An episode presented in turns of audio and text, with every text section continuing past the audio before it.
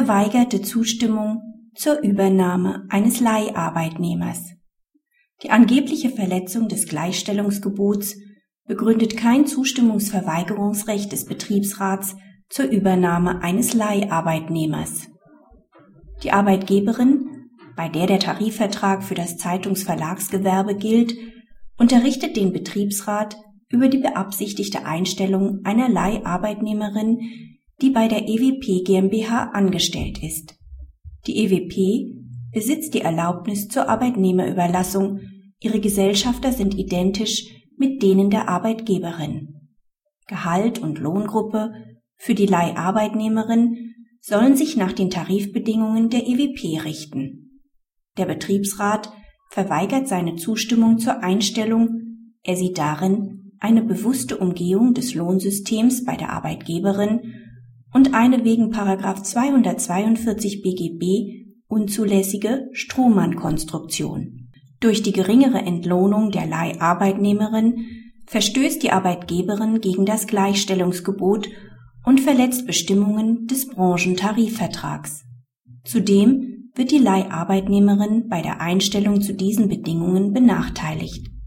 Die Arbeitgeberin beantragt die gerichtliche Ersetzung der Zustimmung. Das BAG gibt dem Antrag statt. Der Betriebsrat durfte seine Zustimmung nicht nach 99 Absatz 2 Nummer 1 Beta VG verweigern. Nach ständiger Rechtsprechung gilt diese Vorschrift nur dann, wenn die personelle Maßnahme selbst gegen das Gesetz, einen Tarifvertrag oder eine sonstige Norm verstößt. Das ist hier nicht der Fall. Insbesondere verstößt die Einstellung nicht gegen den Branchentarifvertrag bei der Arbeitgeberin, denn dieser verbietet die Einstellung der Leiharbeitnehmerin nicht. Er ist auf das Arbeitsverhältnis zudem nicht anwendbar, denn die EWP ist Vertragsarbeitgeberin der Leiharbeitnehmerin. Auch ein eventueller Verstoß gegen das Gleichstellungsgebot aus den Paragraphen 3 Absatz 1 Nummer 3 und 9 Nummer 2 AÜG begründet kein Recht zur Zustimmungsverweigerung, denn das AÜG sieht bei einer Verletzung des Equal Pay Gebots bestimmte Sanktionen vor, die nicht greifen würden, wenn bereits die Einstellung des Leiharbeitnehmers untersagt wäre.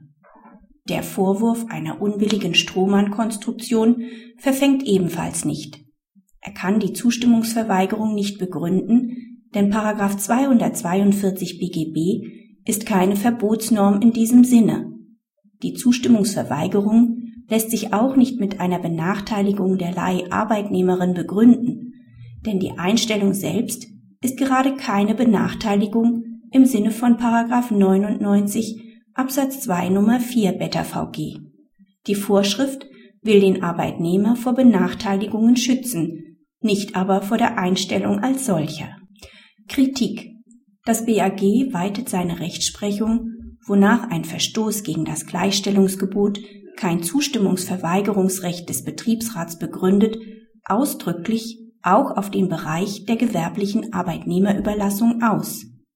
Die vorliegende Entscheidung ist zu begrüßen, weil sie dem Sanktionenkatalog des AÜG den Vorrang gegenüber einer Zustimmungsverweigerung einräumt, die dem Grundkonzept der Leiharbeit zuwiderläuft